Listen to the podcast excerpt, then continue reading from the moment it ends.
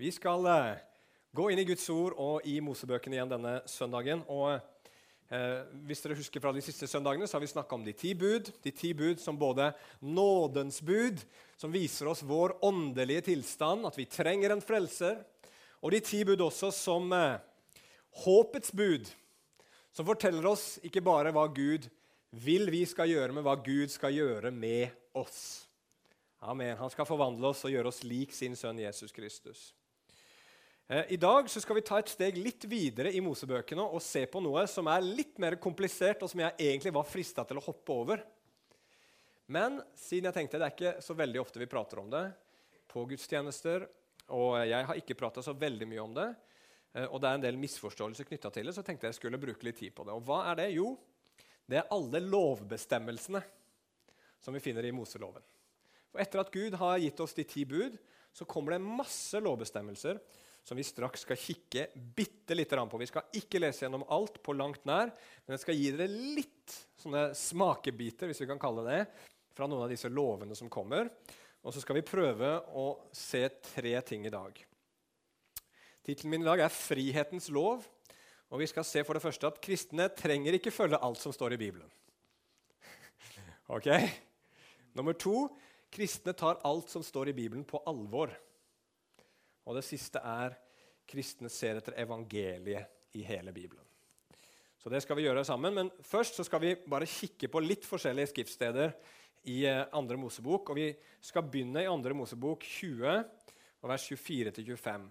Jeg kommer bare til å lese fortløpende. Hvis dere vil prøve å henge med i Bibelen, så kan dere det, men jeg kommer til å hoppe en del bare for å gi dere et lite inntrykk av hva slags lover som Gud gir gjennom Moses her. Så Da begynner vi i 2. Mosebok 20, vers 24-25. Der står det Et alter av jord skal du lage for meg, og på det skal du ofre brennoffer og fredsoffer, småfe og storfe ditt. På hvert sted hvor jeg vil la mitt navn påkalles, skal jeg komme til deg, og jeg skal velsigne deg. Hvis du lager et alter for meg av stein, skal du ikke bygge deg hogget stein, for hvis du bruker meisel på det, har du vanhelliget det. Så kan vi hoppe videre for til 2. Mosebok 21, vers 2-6. Der står det følgende.: Hvis du kjøper en hebraisk slave, skal han tjene i seks år. Men det sjuende året skal han få gå fri og være fri uten å betale noe. Hvis han kommer inn alene, skal han få gå alene. Hvis han er mann til en kone, skal hans kone få gå sammen med ham.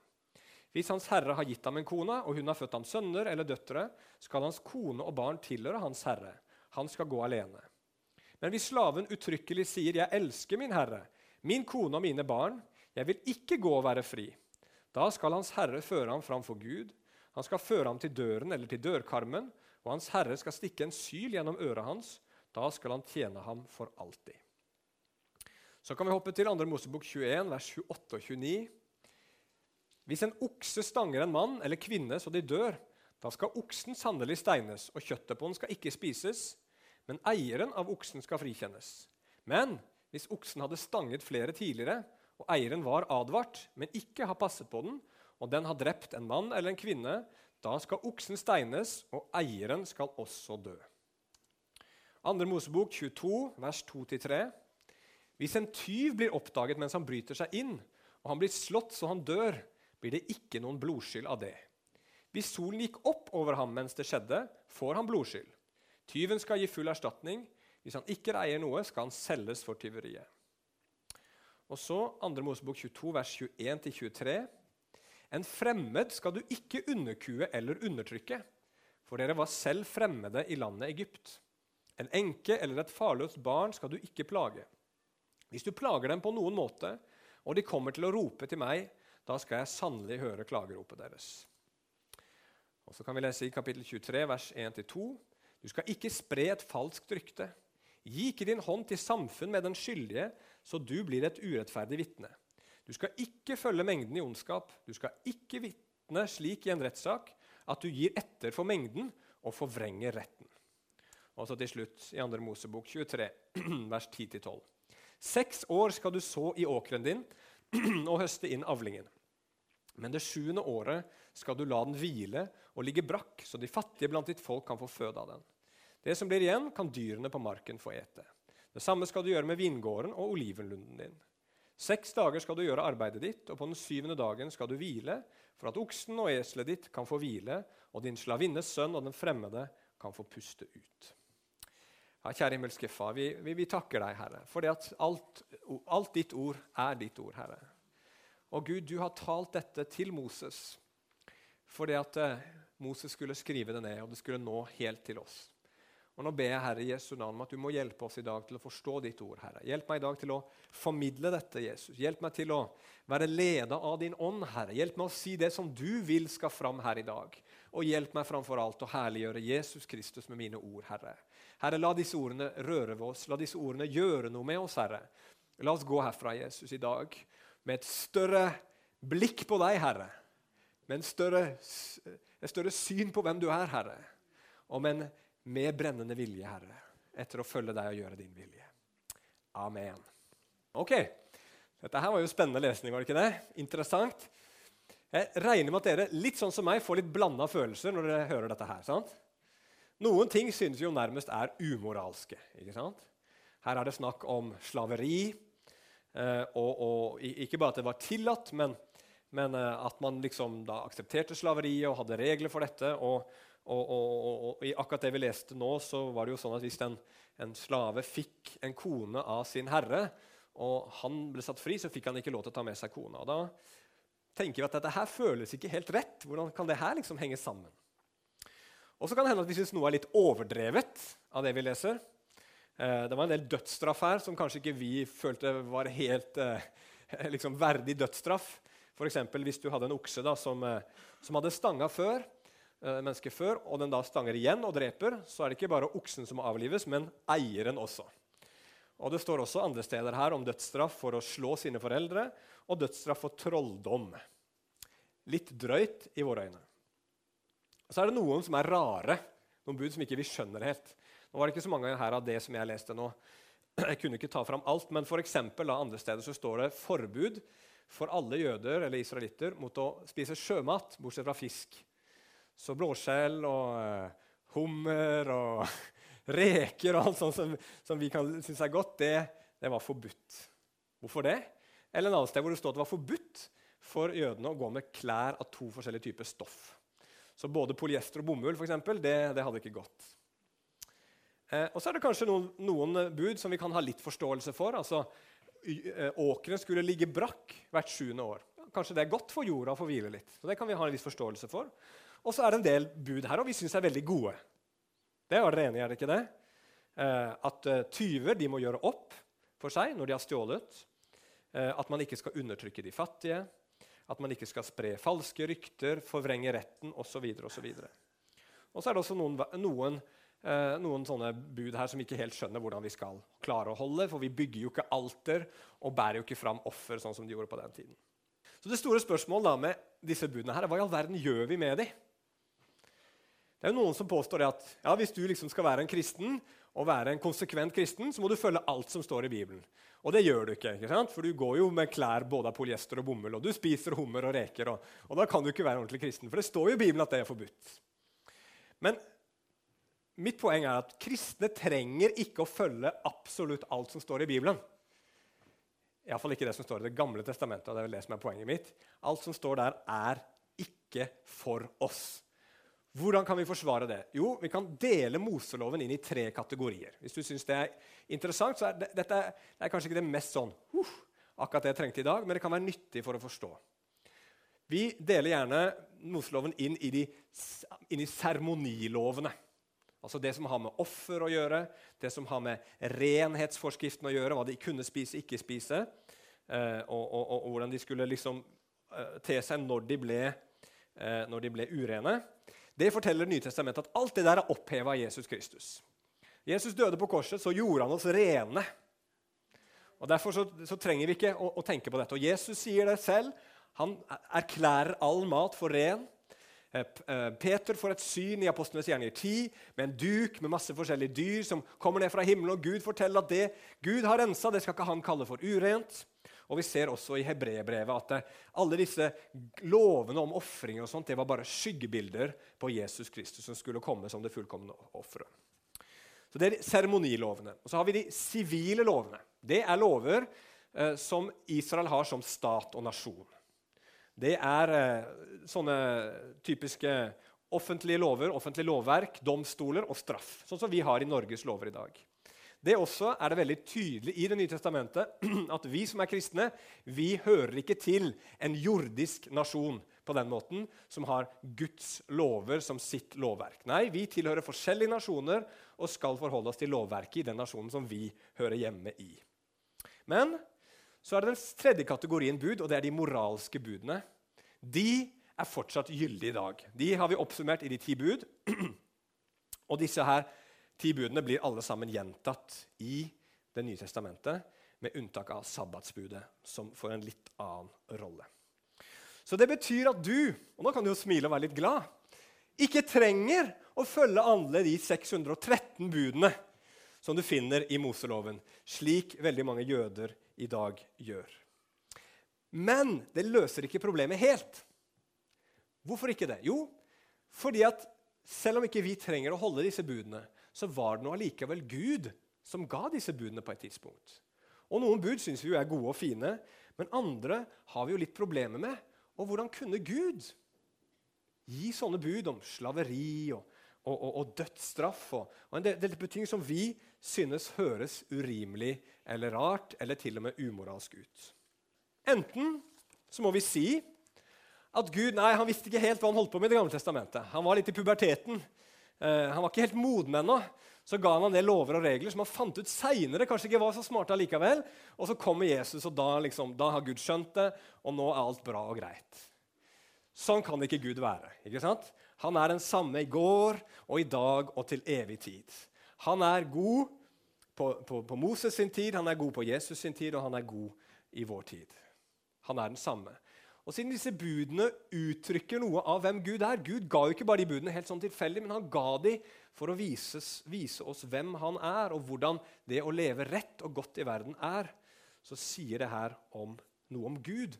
Og Derfor så er det ikke sånn at uh, vi trenger å følge alt som står i Bibelen. Vi trenger å ta alt som står i Bibelen allikevel på alvor. Vi trenger ikke å alt som, følge alt som står i Det gamle testamentet etter, etter bokstaven. Men vi trenger å ta alt som står i Det gamle testamentet, på alvor. Hva betyr det? Jo, for eksempel så ser vi her at Gud han er de svakes forsvarer. Hørte dere at det var noen bud om at vi ikke skulle undertrykke enkene, ikke undertrykke de fattige? Og faktisk så står det i Salme 68 at Gud han er farløses far og enkers forsvarer. Og det uttrykker Gud her ved å si gi tydelig forbud mot å undertrykke innvandrere, som ofte var svake i det landet de kom inn i. Undertrykke enker, farløse. De fikk ikke lov til å ta mye renter av fattige mennesker. Og hvis de ikke hadde noen ting igjen, og allikevel sto i gjeld, så hadde de ikke lov til å ta fra de kappen deres som de kunne varme seg med.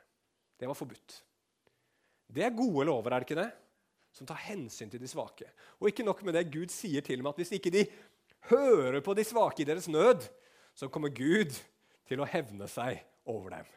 Så Gud han er en Gud som virkelig bryr seg om de svake og de undertrykte og de små. Og vet dere hva? Dette står aller klarest i Det gamle testamentet. Det står aller klarest her i Moseloven at Gud er en sånn Gud. Det står om det i Det nye testamentet òg. Og, og, og, vi finner det ikke i de ti bud, men vi finner det her. Og Da må vi jo ta det på alvor, må vi ikke det? Selv om vi skjønner at det er en del av noe som ikke direkte er skrevet til oss. Det forteller oss om hvem Gud er, og det forteller oss om hvordan vi som kristne skal være. Vi må tenke på de fattige. Vi må tenke på de små. Og hvor mye av vår tid og vårt budsjett går med til det? Det er noe å tenke på. Vi ser også her at Gud han er en rettferdig Gud. En god og en rettferdig Gud. Han sier at vi ikke skal spre falske rykter. Han sier at vi ikke skal forsvare den skyldige, ikke gå med strømmen når strømmen går gal vei, og ikke holde med et skyldig menneske bare fordi du syns synd på det. For Gud han er absolutt rettferdig. Han vil rettferdighet. Han vil at ting skal være fullstendig, perfekt rettferdige. Sånn er vår Gud, og det er en veldig, veldig god ting. Og Det som er spesielt når vi ser på loven her, som kanskje ikke vi tenker så veldig mye over, men som var soleklart på den tiden der, det var at Guds rettferdighet nettopp her i Moseloven, nettopp i disse budene som vi har litt problemer med, var så mye bedre enn lovsystemet som var i landene rundt. Bl.a. ved at kvinner og fattige mennesker sto på akkurat lik linje som menn, rike framfor loven. Og Måten vi ser det på, var at eh, eh for eksempel, da, i, i, en del av landene rundt så var det ikke et generelt forbud mot kidnapping. Du kunne, kidnappe, du kunne ikke kidnappe de rike. Men andre var ikke så nøye med. Det høres jo ikke så veldig bra ut. Eller så var det sånn at en del lover hadde økonomisk straff. Så hvis du drepte et menneske, så kunne du betale som straff. Hvem ble favorisert av det? De rike. ikke sant? De kunne leve akkurat sånn som de ville. De hadde penger nok til å ta livet av et par stykker underveis. Mens de fattige, derimot, hvis de gjorde et eller annet, så var det mange ganger sånn at de hadde jo ikke de pengene til å kunne kompensere eller betale for det. og Dermed endte de opp som gjeldsslaver eller kunne til og med bli drept for tyveri. Men i Moseloven så er det fullstendig rettferdig. Det er øye for øye, tann for tann. Hvis du var rik og du ødela øyet til en annen, så kunne ikke du betale det, liksom, en tusenlapp for det øyet. Nei, da var det ditt eget øye det gikk utover. Poenget var ikke at de drev stakk ut øynene på hverandre, men poenget var at de som hadde mye ressurser, og de som hadde mye eh, muligheter til å komme seg unna, de også skulle kjenne det på kroppen at de hadde faktisk gjort noe galt mot et annet menneske. Og Hadde du en okse som var farlig, og du ikke brydde deg om det, og den satte andre menneskers liv i fare, så burde du gjøre noe med det. For hvis ikke, så satte du også ditt eget liv i fare. Så hele veien er det her for å beskytte de svake og sette de rike og de mektige på lik linje med de som eh, ikke hadde samme mulighetene og samme ressursene. Og Jo mer man studerer dette, her, jo mer skjønner man at Guds lov var egentlig veldig veldig, veldig god og veldig rettferdig på den tiden. Og Gud med andre ord, er opptatt av rettferdighet, og det er noe vi også trenger å engasjere oss i og være opptatt av. Og Ser vi på den teksten her og kikker på de andre tingene, så ser vi at Gud for er opptatt av både mennesker og dyr og jord. Han vil at de skal hvile, han vil at man skal få det man trenger. Han er en hellig Gud, han vil at vi skal tilbe ham på rett måte. Og vi ser at Gud er en Gud som ikke bare vil at vi skal ha noen bud og noen prinsipper, men han er en Gud som vil at vi skal faktisk leve disse budene og prinsippene ut i våre liv. Er vi enige i det? Men så kommer vi jo til de litt mer vanskelige tingene. Hva da med dette her med slavehold? Hvorfor står det om det i Bibelen og Det gamle testamentet, og Gud gir lover for hvordan man skal behandle slaver? Kan det være fra Gud? Og hvis det er fra Gud, er han da en god Gud? Vel, For å svare på det spørsmålet så må vi tenke litt om hva vi tenker at en slave er for noe i våre hoder, og hva en slave er for noe i Bibelen og på den tiden. Først da så kan vi forstå hva det er snakk om her. Eh, når vi hører slave, så tenker vi automatisk nesten alle sammen tror jeg, på slaver i sørstatene i USA på begynnelsen av 1800-tallet. Vi har sett filmer, vi har lest bøker. Vi kjenner veldig veldig godt til det. Og Der, der var det sånn at eh, eh det var svarte mennesker fra Afrika som ble bortført mot sin egen vilje, brakt over Atlanterhavet til USA og solgt til livslangt og beinhardt slaveri. De hadde få, om kanskje ingen, rettigheter. De hadde knapt noen mulighet til å bli fri. Eh, og de fikk sjelden noen ting for det arbeidet de gjorde, bortsett fra mat og et sted å sove. Det var grusomme, undertrykkende greier. Litt det samme som israelsfolket var inne i Egypt, og som Gud fridde dem ut ifra er det det samme det er snakk om i Bibelen, her i andre Mosebok. Og jeg tror vi må veldig veldig klart si nei, det er ikke det samme. For det første så er det helt klart i samme kapittel forbud mot å bortføre mennesker og selge dem. Det var det dødsstraff for. Så dermed ser vi med en gang at dette er noe annerledes. Det er ikke lov å bortføre og selge mennesker. Eh, for det andre så var dette slaveriet da det var tidsbegrensa til seks år. Så måtte eieren gi vedkommende fri. Så ingen som ikke ville det, som ikke valgte det sjøl, ble slave på livstid. I tillegg så hørte det med det står ikke her, det står i 5. Mosebok, hørte det med til historien da, at man fikk med seg en lønn. Man skulle ikke gå tomhendt fra sin herre når man var ferdig med disse seks årene.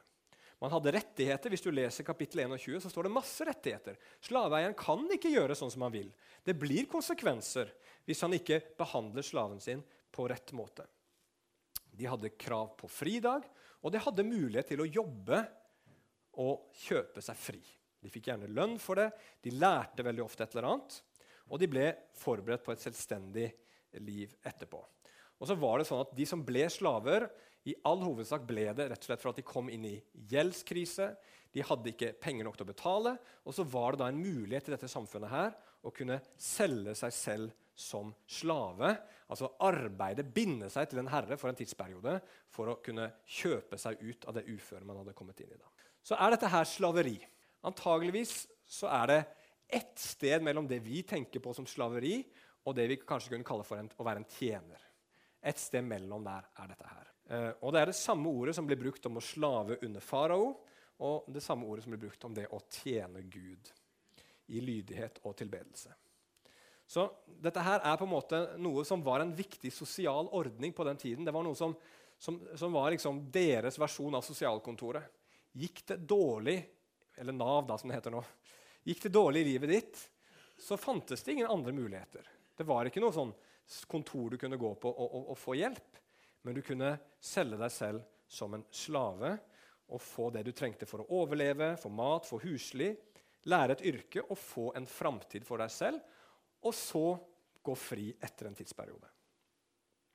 Så vi ser at dette her er jo, ikke, er jo ikke, bare enkelt. og det er ikke på en måte å si at det er ikke noen problemer med det her, men det er ikke så ille som vi ofte tenker når vi hører ordet slave. og Derfor er det også sånn at i en del oversettelser av Bibelen så står det 'tjener' her, og ikke 'slave'. Det er ikke det umenneskelige og uverdige som det er snakk om. Men det som sikkert plager oss mest, tror jeg, det er det at vi skjønner ikke hvorfor Gud ikke bare avskaffa hele institusjonen med en gang. Altså Gud sa nei, det er ikke lov at noen er slaver. Vi, vi vil ikke ha det. Ingen skal være bundet. Ingen skal være ufrie. Alle skal få være frie. Hvorfor sa ikke Gud det helt fra begynnelsen av? Sånn som vi tenker at det rette og det gode er i vårt samfunn. Og Vi skal prøve å finne svar på det når vi går til vårt aller siste punkt her, som er at vi kristne vi ser etter evangeliet i hele Bibelen. Vi skjønner at vi skal ikke følge alt som står i Det gamle testamentet. Vi skal ta alt som står i Det gamle testamentet, på alvor. Og det innebærer at vi ser etter evangeliet i Det gamle testamentet. Og vi må også se etter evangeliet her. Og finner vi noe evangelium i denne Moseloven? Fins det noe her som peker på Jesus Kristus, hans død, hans oppstandelse, det som hele Bibelen jo handler om.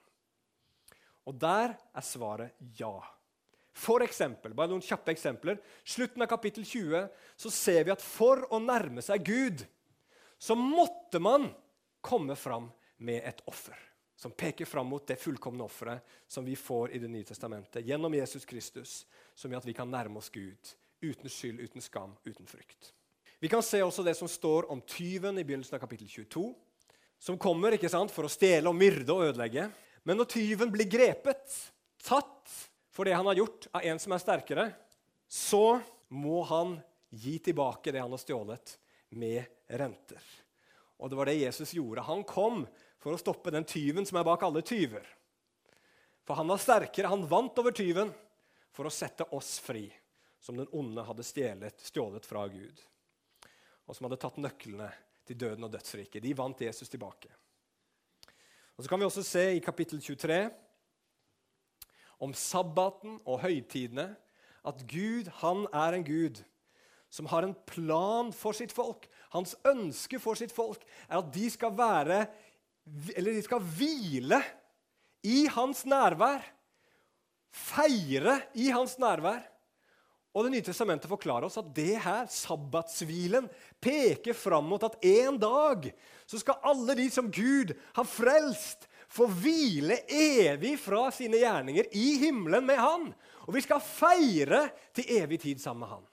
Så i dette her, denne lovteksten så står det hint og ting som peker fram mot det som Gud skal gjøre. Men la oss avslutte ved å kikke der hvor vi minst venter å finne det, nemlig i loven om slaver. Finner vi evangeliet der?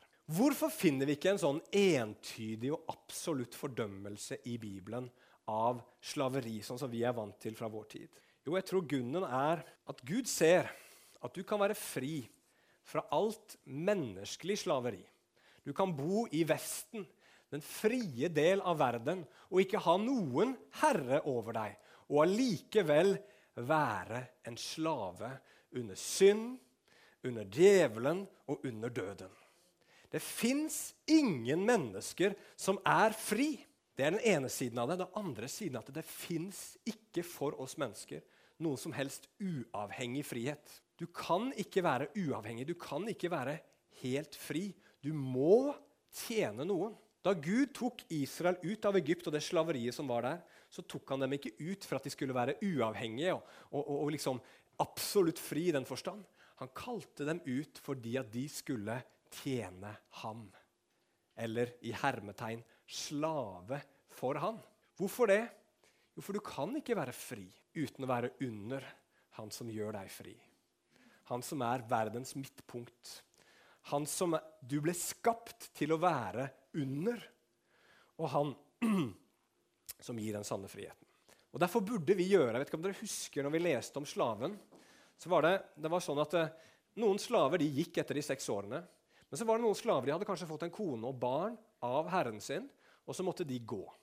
Men så fikk de ikke med seg kona og barnet sitt. Da står det ikke i teksten her, men det ser vi andre steder, at det var mulig for da denne mannen å kjøpe fri sin kone og, og, og sine barn. Men han måtte antageligvis jobbe en stund før han fikk mulighet til det.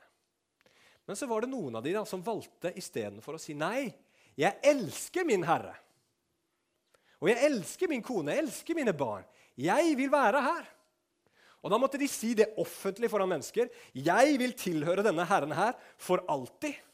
Og så skulle man markere det ved at de tok en syl. Det høres jo litt spesielt ut da. Og så stakk de den gjennom øret på denne slaven. Altså Ikke inn i øregangen, men liksom bare gjennom øreflippen her en eller annen plass. Og så gjennom, og så inn i dørstolpen på huset til denne herren. Og så bandt man seg til denne herren for evig tid. Og det vi mennesker burde gjøre, det var jo å si at denne Gud som har skapt oss, han som er fullstendig god, han som er fullstendig rettferdig, han som er full av kjærlighet, han som er mektig, han vil jeg binde meg til for alltid. Han vil jeg gi meg selv til. Han vil jeg skal være min Gud og min Herre. Han vil jeg være en tjener for. Men vi gjør ikke det. Det er problemet vårt. Vi er så mye slaver under synden, under djevelen, at vi er blinde for vårt eget slaveri. Vi er blinde for vår egen ondskap, og vi er blinde for Guds fullkomne godhet. Og vi ser heller ikke at vi står fordømt framfor denne gode, fullkomment rettferdige Gud, som sier øye for øye og tann for tann. Som sier til oss når vi sier 'Gud, vi vil ikke ha deg som Herre', 'vi vil ikke ha deg som vår Gud', 'vi vil ikke ha noen ting med deg å gjøre', så gir Gud øye for øye, tann for tann. Han sier det er helt i orden gå bort fra meg. Men dette ser ikke vi. Vi er slaver under mørket og synd og djevelen. Og Når vi forstår det ut fra Bibelen, så kommer også et av evangeliets lysende, vakre sider mye klarere fram. For hva gjør Gud med oss? Hva gjør Gud med disse opprørerne som vi er? Hva gjør Gud med disse menneskene som spytter han i ansiktet, som ikke vil ha noe med han å gjøre, som vil være sine egne herrer og styre sine egne liv? Hva gjør han med de? Jo, det står så utrolig i Filippebrevet 2,7 at han tok på seg en slaves skikkelse. Tjener skikkelse står det i flesteparten av våre bibeloversettelser, men ordet der er ordet som vanligvis oversettes med slave. Han tok på seg en slaves skikkelse. Gud selv ble en slave. Som Jesus sier, menneskesønn er ikke kommet for å la seg tjene, men for selv å tjene og gi sitt liv som en løsepenge for mange. Jesus kom, ble en slave for å kjøpe oss fri allikevel. Og Her er det så mange fasetter og så mye rikdom. Men jeg har lyst til å bare peke på et par ting til slutt. Når Jesus blir en slave og havner på det korset, så avslører han på mange måter vårt sanne ansikt. Han dør på korset for å vise oss hvem vi er, og hva vi fortjener. For når denne gode guden kommer inn i verden, hva gjør vi med han? Jo, vi nagler han til et kors. Jøder og hedninger var sammen om det, og vi korsfesta Gud da han kom. Det viser noe hvor blinde og hvor bundne vi er. Og så viser korset også hva vi fortjener for det. Det som Jesus bærer i sin egen kropp.